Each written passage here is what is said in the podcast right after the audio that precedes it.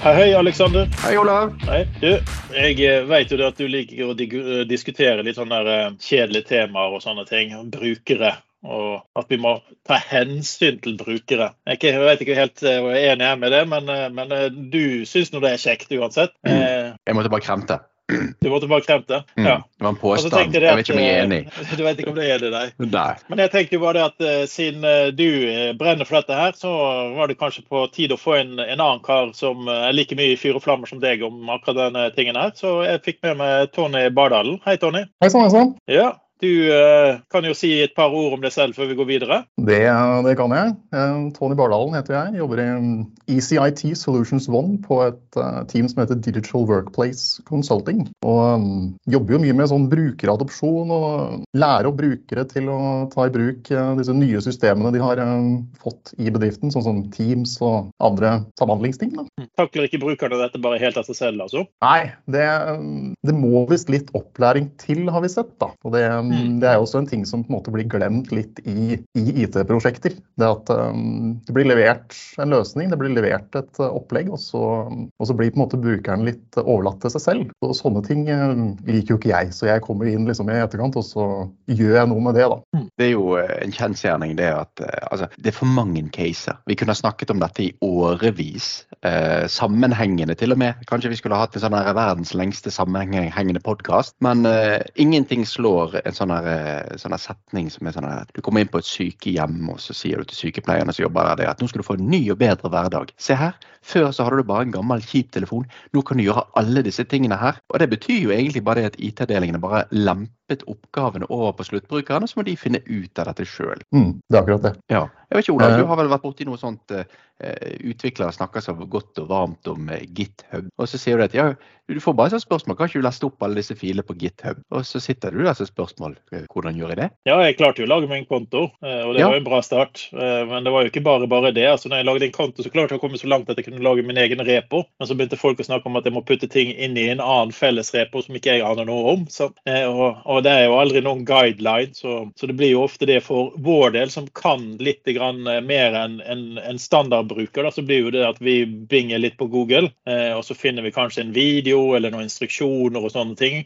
Og veldig ofte er jo de utdatert, feil, eller det er bare syn fra en person. Så det, det er ganske ukontrollert informasjon du får, så du må allikevel lete ganske mye, selv om vi eh, tror jeg vi kan lete bedre enn veldig mange andre. Og så er det jo ikke bare å slenge ut en guide heller ikke sant, til brukerne. Det er jo, Den blir tolka av brukerne på like mange ulike måter som det er brukere. ikke sant? Så, så vil du få sånne der, eh, supporthenvendelser ikke sant? som nei, dette funker ikke, og aldri fått det til å funke, og bare tøys. ikke sant? Og så viser det seg at hadde de faktisk blitt introdusert til teknologien og blitt introdusert til dette på en litt mer eh, fornuftig måte, så kunne jo alle de supporthenvendelsene bare eh, ikke skjedd i det hele tatt. Ja, og, og her er jo forskjell på folk. Og, og jeg, jeg tør å komme med Jeg skal ikke si at det er en brannfakkel, bare rett og slett hive en håndgranat inn i diskusjonen, for det er såpass dynamisk. Men det er jo dette her med hvordan skal en nyutdannet 18-19-20-30-åring møte denne brukertilpasselsen, altså brukeropplæringen?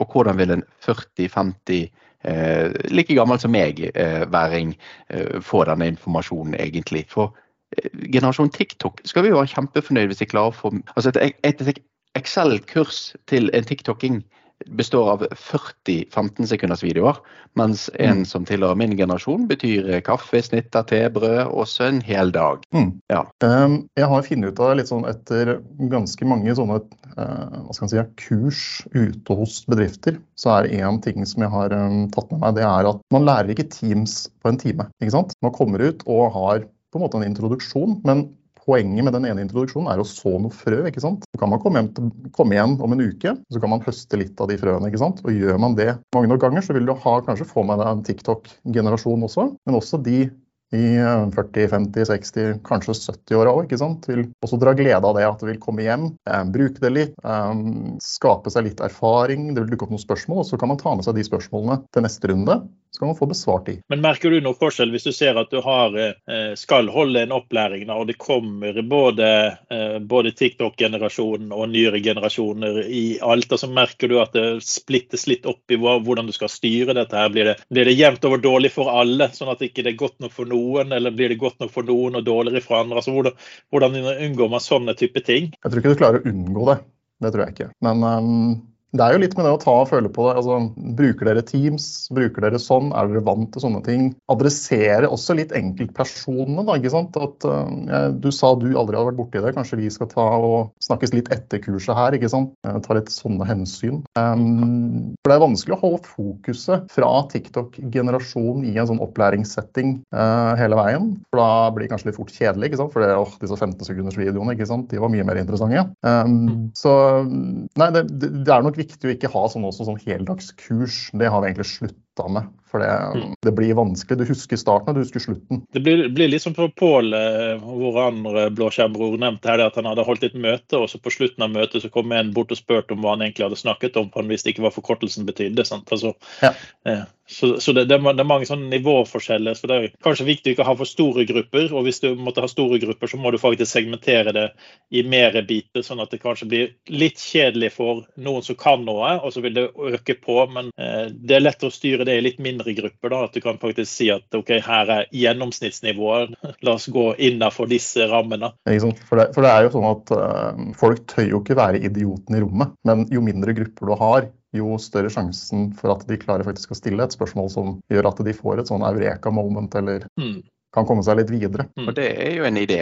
Eh, skal man egentlig tenke på kurs i dag som at man skal lage en felles plattform for videre diskusjon? Mm. Eh, for, for, man kan ikke lære folk opp i team. For det, altså Den som skal holde kurset, eh, den har jo ikke klart å få med seg det siste som skjedde i natt. Altså Nei. De som skal holde disse tingene, sliter jo. Jeg husker et godt eksempel. Olav skulle til Las Vegas på en SharePoint-konferanse, og jeg skulle til Miami på en annen konferanse. og Begge to reiste en mandag og vi hadde spilt inn videoer i helgen. Og Presentasjonen vi skulle ha var tirsdag og onsdag, og når vi hadde videoen, så var videoen utdatert. Da var ikoner byttet og flyttet på. Så, så, det er veldig vanskelig å lære noen noe, men å skape en plattform. Vi må kalle det for en plattform, en kunnskapsplattform, sånn at man har noe å bygge spørsmålet videre ut fra. Mm, jeg er helt enig. Du må skape den, skape den, trygge grunnen for brukerne til å kunne utvikle seg. Jeg liker å bruke ordet bamseklem, ja, da, at jeg skal være der for dem. ikke sant? At um, dette skal vi finne ut av sammen, kjære kunde. Dette, dette, går, dette går, bra.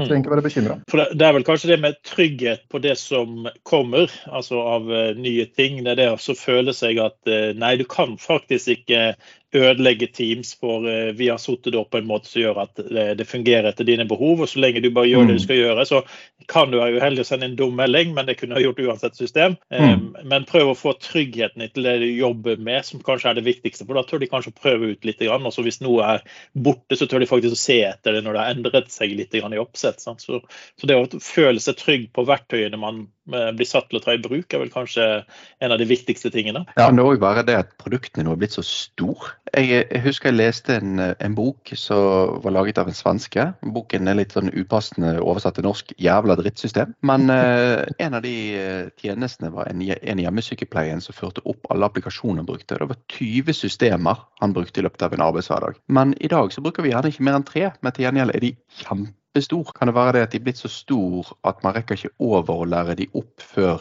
hele produktet har forandret seg? Det er mange komponenter. da, Hvis du tar Teams da, som et eksempel. Det er mange komponenter som skal læres der. Du har chatten, du har team, du har møter, eh, du skal dele filer derfra. Du bruker det som filserver. Eh, det er mye forskjellige komponenter der som du skal lære. Eh, mange nye måter å jobbe på. ikke sant? Og vi er bare mennesker. Vi er vaner som er de er jo vonde å vende, som ordtaket sier. Det, det, tar tid, altså. Det er liksom det man må innfinne seg med. Som sagt, Teams er ikke lært på en time. Du må, må legge opp et løp over, over, en lang tid bare for å lære på en måte det ene produktet. Og det ene produktet er jo ikke bare ett produkt heller. Det er jo SharePoint, det er OneDrive, det er eh, alt mulig i samme. Mm. Men det er jo kanskje det å eh, motivere brukerne til å ønske å lære noe. Det har jo du gjort en del av, Alexander, med å lage kampanjer eh, som trekker til folk til nettside, eller spør en kollega om, spør en IT-avdelingen om. altså Lage litt sånn at de, de blir litt nysgjerrig på ting. Mm. Ja, og, og, det er ikke verre enn at du lager multiple questionnaires. Du lager eh, eller måter måte å rapportere inn hvilken aktivitet de har gjort, enten i Microsoft Learn eller andre produkter. Og så hadde vi en egen, eh, hos en kunde vår, så hadde vi en egen sånn company challenge. Så da printet vi på et A2-ark eh,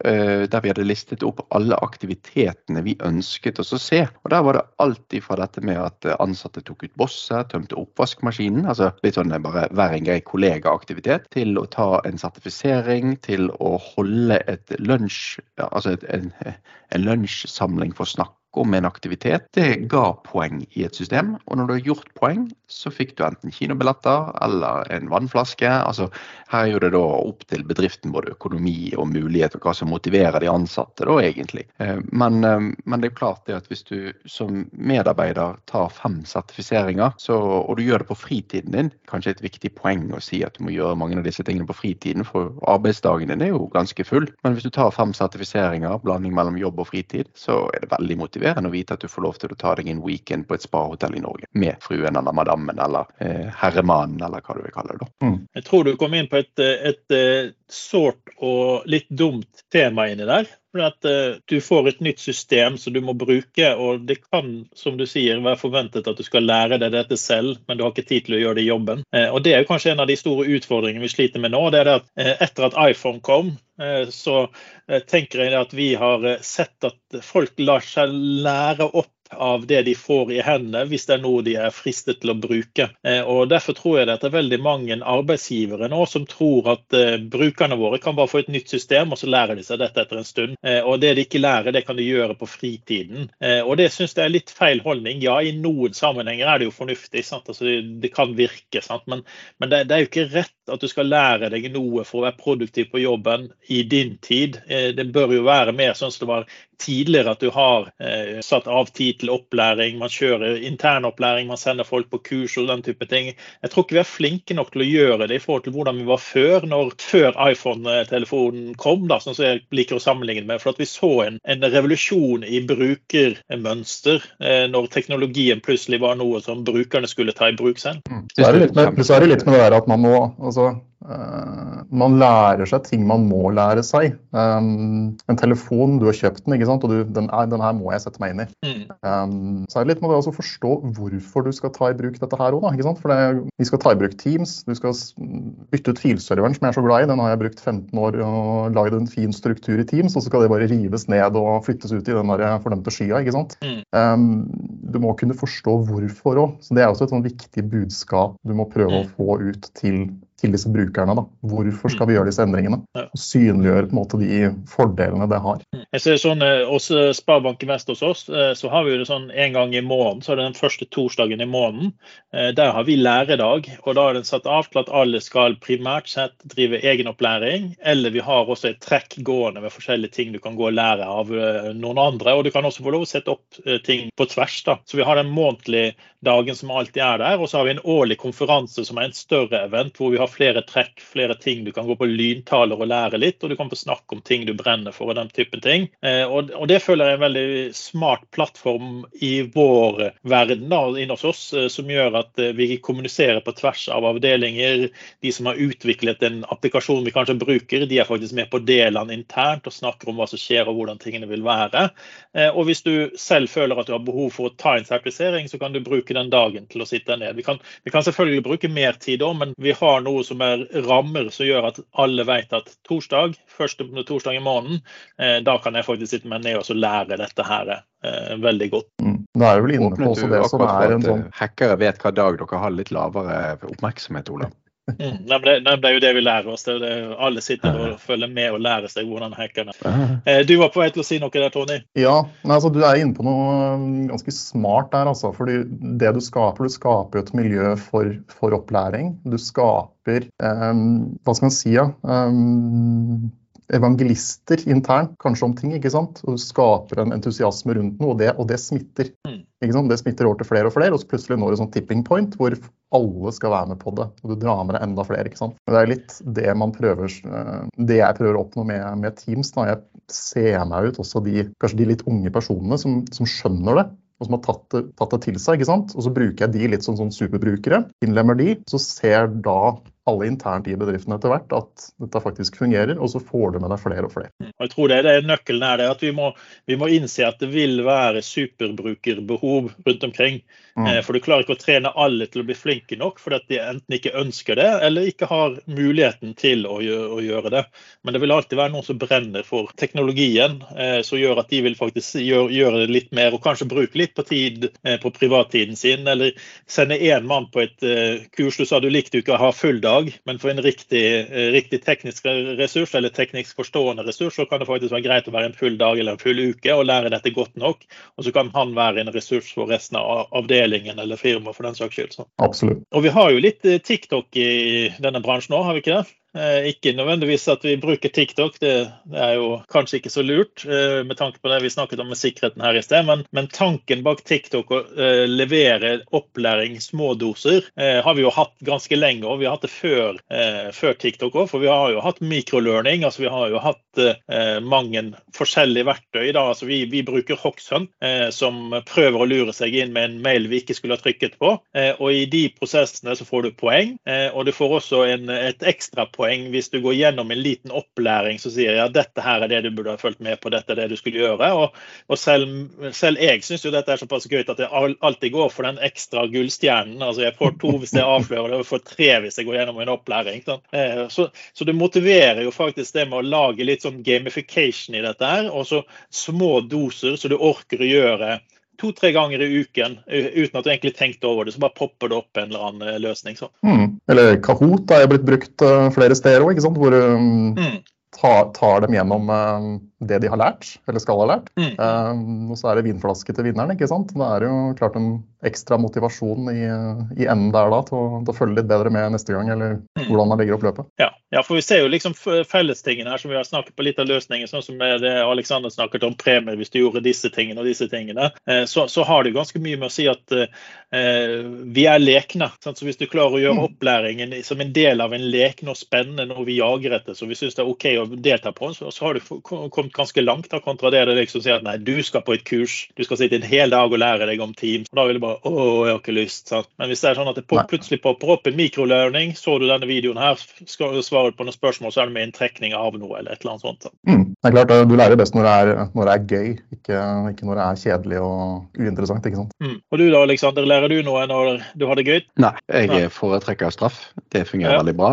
De fem gylne reglene for straff det har alltid vært min, min store glede. Og det er å sørge for at ting er så kjipt som mulig dersom du ikke gjør det du får beskjed om. Det er vel egentlig sånn man har, har gjort ting tradisjonelt sett. Man har, ja, man har forventning om at Nei, men de ansatte de, de, de lærer seg dette her sjøl, eller de er nødt til å lære det. Hvis de ikke så mister de jobben. Det er jo en måte å, så, å forvente ting på uten at det nødvendigvis kommuniseres. Så vil det gjerne oppleves sånn av de ansatte. Og det å ikke kommunisere ut en opplæringsstrategi kan oppleves av uh, enkelte ansatte som at ja, de vil jo egentlig ikke at vi skal lykkes, for vi drukner jo arbeid, og når skal vi få tid til å lære dette, f.eks. Ja, så blir det denne kombinasjonen at uh, hvis uh, brukeren ikke forstår verktøyene, så risikerer risikerer du å gå i to forskjellige feller. Det ene er det at de misbruker det der og da med å gjøre det på helt feil måte, registrere det feil i systemene, sånn at du ikke finner inn dataen. Kan ikke bruke dataen i, i AI-sammenheng f.eks. For eksempel, fordi det ikke er registrert med riktige verdier. Eller enda verre, de lar være å bruke de systemene, og så finner de noe annet som gjør jobben for dem. F.eks. et Excel-ark, eller de kjøper en tjeneste som eh, de finner ut på nettet er billigere, og så virker bedre å gjøre dette her på. Så plutselig har du mistet både innholdet ditt ditt, altså registreringen din og oversikten over hva, hva som faktisk eh, burde vært der. Så, så, det at brukerne skal skjønne og forstå systemene er ganske viktig for at de skal faktisk bruke dem. Mm. Nei, med riktig opplæring så vil du unngå en del sånn shadow IT-problematikk òg, for da, da, vil de vant til å bruke de verktøyene på, på riktig måte. og Da slipper, da slipper du at de drar kredittkortet sitt på, på, løsninger de heller vil ha på si. Mm. Ja, vi har jo eksempler på det i bøtter og det, det, er ganske skummelt. Og ikke minst med nye reg regulativer, så er jo det liksom eh, Du har kjørt eh, GDPR-data ut i, i, en sky som ikke vi har kontroll på, og nå har vi fått en bot. Det er ikke en sjekkmelding å få hvis det, mm. det, kunne vært forhindret med litt brukeropplæring. Ja, nei, den er, eh, den, den er tøff å få gjøre ting litt i riktig rekkefølge og nå skal implementere nye systemer. ikke sant? Altså, jeg var inne på det tidligere at um, vi i IT-bransjen vi, vi, vil gjerne dytte ut nye systemer til brukerne. Men um, når skal den opplæringa inn? Den må jo egentlig inn før systemet blir tatt i bruk. Mm. Du kan ikke begynne å bruke det, og så skal du drive med opplæring, og så da havner du litt på hæla, i hvert fall min uh... Så er det ja, kanskje dette å planlegge rekkefølgen. Jeg hørte et selskap, et eh, ganske stort selskap, de um, implementerte Microsoft Dynamics. Og så spurte de meg hvor lang tid pleier man å få på noe sånt. Og så sa jeg nei, det kommer an på organisasjonen, implementeringen og bruken. Men uh, han lurte jo på om det var litt kort med fire måneder. Uh, og det var det. Ja. så, så der ble beslutningen tatt, og det ble innført, og det ble byttet men det var gjerne litt kort tid generelt. Nei, Det handler om å gjøre, eh, planlegge godt nok og få med, få med det, dette punktet også her da, i, i planleggingen av, eh, av, den implementeringen. Så at de er kjent med det før du, før de tar det i bruk. For det, jeg ser på det på samme måte som eh, du må ha førerkort for å kjøre bil. Det er kanskje litt drastisk, men det blir litt av det samme her. Altså, det hadde vært veldig kaos for det, hvis alle, um, alle, oppretter egne team, og det er fullt Texas. ikke sant? Det er greit at det er noen kjøreregler um, før, de, før, de, slipper til. Men uh, hvis man tenker litt over hvordan det historisk var sett, så hadde vi jo datakortet tidligere. da. Eh, som eh, Det ble, var jo ikke en forutsetning, men det var jo en fordel for veldig mange. Eh, at de hadde datakortet når de søkte jobb, så var det en pluss, for det betydde at de faktisk kunne slippe løs på en PC. Om det var godt eller ei, det er litt, kanskje litt vanskelig å si, men, mm. men, men det, man hadde jo før litt mer tanker om at kurs med en eller annen form for kursbevis kunne bety at man hadde gjort noe sånt. Føler du at den tiden er forbi, eller er det bare det at det er mer tilpasset egenopplæring? Opplæring, eh, nettopplæring og sånne ting som har blitt eh, løsningen? Godt spørsmål. Noen ganger fikk jeg en liten sånn stopp før du fikk eh, innpass i et system. Men det har også vært litt sånn som under covid. Da. Teams fikk jo en ganske god boost i måneden, så vi jo. Um, og vi ser jo nå på en måte også litt etterdønningene av den biten. Da. Det er mye rar Teams-struktur der ute som, um, som, nå ryddes opp i. Så det er kanskje en liten sånn Hva skal man si? Ja? Litt sånn um...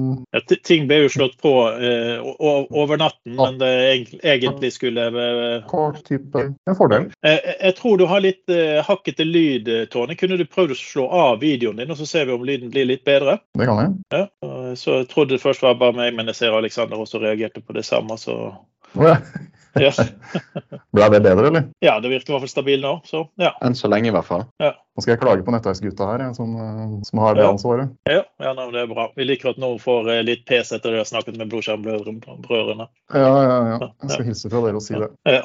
Men, men, det har jo, som du sier, det, det, med Teams er faktisk kanskje et av de beste eksemplene vi noensinne har hatt på at ting blir over natten innført. Eh, og så ser man, som du også sier nå, at i etterkant så ser man jo at det er kanskje ikke innført like bra som man burde ha innført det. Nei, det ble jo ikke innført. Det er det som er greia. Det blei bare tatt i bruk ikke sant? som en sånn uh, der og da-løsning. Uh, det fungerer, OK, vi bruker det. Mm. Og så blir det som det blir. Og så har man ikke hatt noen strategi eller plan for hvordan man skal bruke det. Vi det høres ut som jo, iPhone også. På, ja, ikke sant. Det bare, det bare dukka opp, ikke sant. Uh, jeg var jo på, um, hadde noen seminarer for tre år siden, rett før covid. Det var i februar 2020, hvor vi snakka om at Teams er, eh, Teams er, fremtiden. Teams er bra. ikke sant? Det, det, burde vi bruke. Og Så gikk det to uker, og så var, eh, var det full lockdown, og alle måtte ta det i bruk. Men da snakka vi om at man må ha en plan, og det må legges et opplegg for opplæring ikke sant? og alt det der som vi, vi snakker om nå. Da. Mm. På, på, mange måter så tror jeg at de kanskje var lurere, de som brukte Zoom eh, og den typen tjenester eh, istedenfor Teams. Eh, ikke fordi de er bedre, eh, men pga. at de er mer spesialiserte med kun én funksjonalitet. Eh, så hvis du satt opp og bruker Zoom som, eh, Zoom som, som eh, møter, da, avdelingsmøter og kommunikasjonsmøter, mm. så hadde du en løsning så du hadde lett kontroll på, lett oversikt på, det var lett å rulle ut og alt mulig sånt. Eh, men så stoppet det egentlig der. Eh, hvis du skulle ha noe fellesskap med noe andre ting, med filer og sånne ting, så måtte du ha en annen løsning for det. Mens i Team så har det jo vært sånn at du slo på en, en klient som for det første når han kom, så brukte jo den mer minne enn noen PC noensinne har hatt installert. Eh, sånn at du, du, hadde aldri nok minne i forhold til Team, så han kunne alltid spise litt mer men det kom mer og mer funksjonaliteter, mer og mer integreringer. Og mer av det krevde jo egentlig planlegging, men alt ble bare slått på. Mm. Det er klart det er veldig overveldende for folk òg. Veldig fristende å trykke på alle de fine knappene som plutselig dukker opp og er tilgjengelig. Ja, ja. Legg til en ny add-on. liksom. Oi, nei, dette, dette, var kult. La oss legge til den appen, denne trenger jeg. Og så plutselig popper den opp på et møte, og så alle må installere en eller annen ting på PC-en sin. sant? Yes. Så, så, ja. så hadde det plutselig masse team som het eh, Gunnar og Berit og eh, Feriebilder 2019 og mye greier, ikke sant. Og så mm. må vi nå rydde opp i det. Ja. Du Alexander, har du noen gode historier med navnestrukturer og oversikt over Teams? Ja, vi har jo noen fylkeskommuner i dette landet. Og eh, i fylkeskommuner har du videregående opplæring. Og hvis man ikke stenger ned for at hvem som helst kan opprette teams og grupper, så har man da altså potensielt samtlige videregående elever som kan lage teams og grupper. Og der, den ryddejobben, den eh, unner jeg ingen å gjøre igjen. Fantasien til en ungdom på navnene er ganske bra, den. Jeg er ganske sikker på at enkelte av de kanalene blir brukt til å både kjøpe og selge bildeler og mobiltelefoner og mindre gøye ting òg.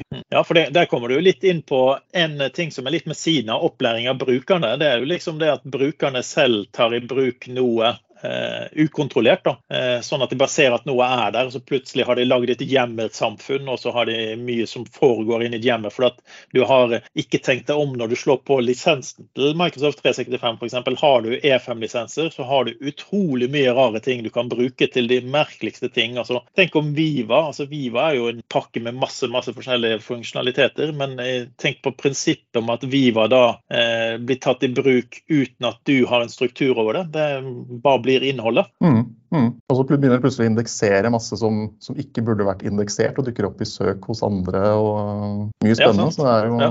så, er det i gang. ikke sant? Det sprer seg jo. Mm. Og Der kan det jo fort bli den der kombinasjonen mellom som man snakket om her, feriebildet 2019 og den typen ting. altså Hvis du lagrer denne typen ting på en eh, jobbkonto eh, i disse dager, så skal man jo være klar over det at eh, hvis du lagrer det på feil måte, så kan det jo være tilgjengelig for andre, og de kan se, få innsikt i tingene. da. Ja, ja. Så, det kommer jo, altså folk vet jo ikke helt hva, nødvendigvis hva share, forskjellen på SharePoint og OneDrive er. ikke sant? De har hørt, hørt de litt om hverandre, og så legger de de feriebildene på SharePoint, og så har du det plutselig på bedriftens intranett eller mm. et eller annet finurlig sted. Ja, jeg husker også, jeg hadde en eh, scenario med en, med en bruker her som ble litt frustrert når jeg forklarte dem hvordan de skulle lage avtaler i Outlook i kalenderen sin. Og så sier jeg det at disse avtalene vil jo i prinsippet være sånn at de andre kan se dem, og det er bra, for da ser de at du er opptatt, eller at det er det møtet og sånne ting. Og så fikk han jo helt pan panikken med å si ja, men de andre behøver ikke vite at jeg skal til gynekologen min, eller jeg skal til eh, legen min, tannlegen, jeg skal fylle rotfylle eller noe sånt. ting begynner jo du de å snakke om. sant? Eh, ja, men du har en private key, sant? Eh, eller markering av mel meldingene. Ja, men hva hvis jeg glemmer den? sant? Altså, ja, jeg skjønner jo problemet, men mm. eh, det er litt, litt av teknologiens uh, utfordringer. da. Det er det at ting blir lettere å bruke, men du må kanskje også tenke litt mer om hvordan du bruker dem. Ja, absolutt. Uh, ting er jo blitt liksom, si, er blitt så tilgjengelig og og ting er så inn i hverandre. ikke sant? Legger du til en e-postkonto på telefonen som er privat, så dukker jo både kalenderen for det private og bedriften opp i, i varslingene. ikke sant? Mm. Så, så, ting smelter jo mye mer sammen når ting er, ting er så tilgjengelig som de er nå. Mm. Jeg tror du poengterte et godt poeng her, Olav. og Det er jo en egen spalte vi kunne hatt i Blåskjermbrødrene, når det er verktøy eller våpen. Eh, yeah. altså, det, det, er jo egentlig helt irrelevant om du bruker kalenderen din som, som, en personlig reminder, men den kan bli brukt mot deg av kollegaer som syns du ja, Hvor mange tenner kan du Alexander ha og rotfylle, liksom? eller var det noe nødvendig at Olav var hjemme med katt? Han har fått seg ny katt fire dager. sant? Altså, eh, hvorfor ja, Hallo, katten, katten, min er 19 år gammel, så det er ikke mye nytt med den katten, skal jeg si deg. jeg skal installere rullestolrampe til katten. Ja ja, det, mulighetene er mange. ja, ja. Men, men, men clouet er jo den det at eh, du må egentlig stille deg spørsmålet altså, er dette et verktøy eller et våpen. For det er helt irrelevant uh, hvilken teknologi det er, det er hvordan den blir brukt. Mm. Og Da kommer vi tilbake til det med opplæring. Altså det at eh, folk må eh, altså opp, Opplæring det kan være to ting. Det, det ene eh, opplæringsdelen er jo det hvordan utfører du visse roller. Men basisoppdatering som kanskje bør komme på plass, det er liksom hva er dette, og hva skal vi bruke det til? Så kan du begynne å snakke om hvordan. For da begynner du å få forståelsen for produktet, gjør det lettere å forstå det. Sant? Så hvis du får litt sånn hvorfor har vi gått for dette, hva brukes det til, så kan man heller si å ja, selvfølgelig, det må vi kunne, og så kan du lære det. Så, så det å få en forståelse for teknologien før du faktisk tar det i bruk, og kanskje også begrensningene til teknologien før du tar det i bruk. Altså liksom Teams, ja vi bruker Teams, men vi bruker det bare til dette. Vi har ikke SharePoint-integrering f.eks.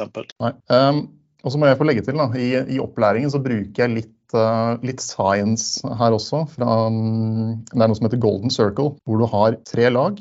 Du begynner begynner alltid med hvorfor. ikke sant? Mm. Det var vi inne på. Hvorfor du skal gjøre dette her. Og Det blir også som du sier, da.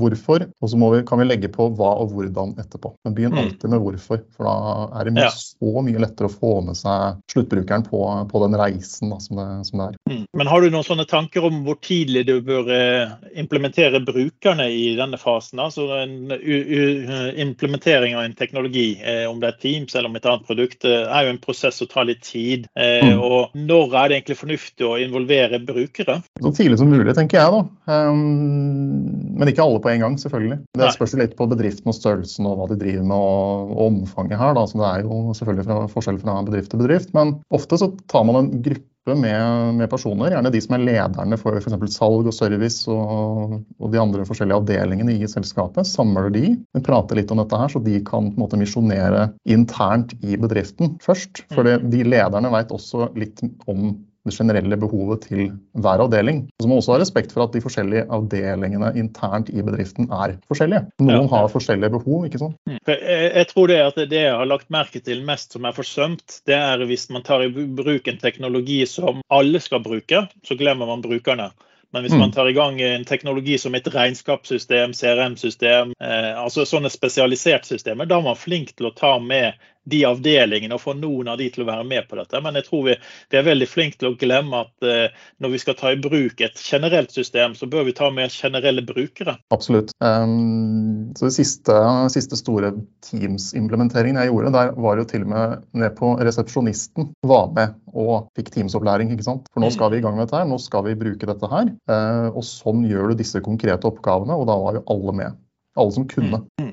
Bygger dere, eller Oppfordrer du til å bygge opp eh, biblioteker? med det, det, jeg hadde når jeg var, eh, holdt på å si når jeg var liten, var den store kloke boken. Eh, og I den så sto det da typiske oppgaver som vi gjør, dokumentert. Sånn at eh, jeg visste at dette var mulig å gjøre, men jeg husket ikke helt hvordan. Og så gikk jeg da i min store kloke boken, og så fant jeg det. I dag er det jo veldig ofte erstattet av, av en, en, blogg eller en wiki i bedriften eller noe sånt. Men eh, hvordan stiller du dere til den type ting? Eh, bedriften er jo med å utvikle på en måte rutiner. og så mm, I tillegg så gjør vi opptak av, all opplæring, så de har det som intern referanse til, eh, til seinere. Mm. Det har stort sett holdt alt. Ellers så har jo jeg vært, eh, vært ute hos bedriften og fulgt de opp i etterkant etter at vi har implementert systemet. En uke etterpå eller to uker etterpå så er jeg der ute og tar, tar eh, spørsmål og henvendelser da, i, i, etterkant. For det er da på en måte spørsmåla dukker opp når de faktisk er i gang med det. Mm.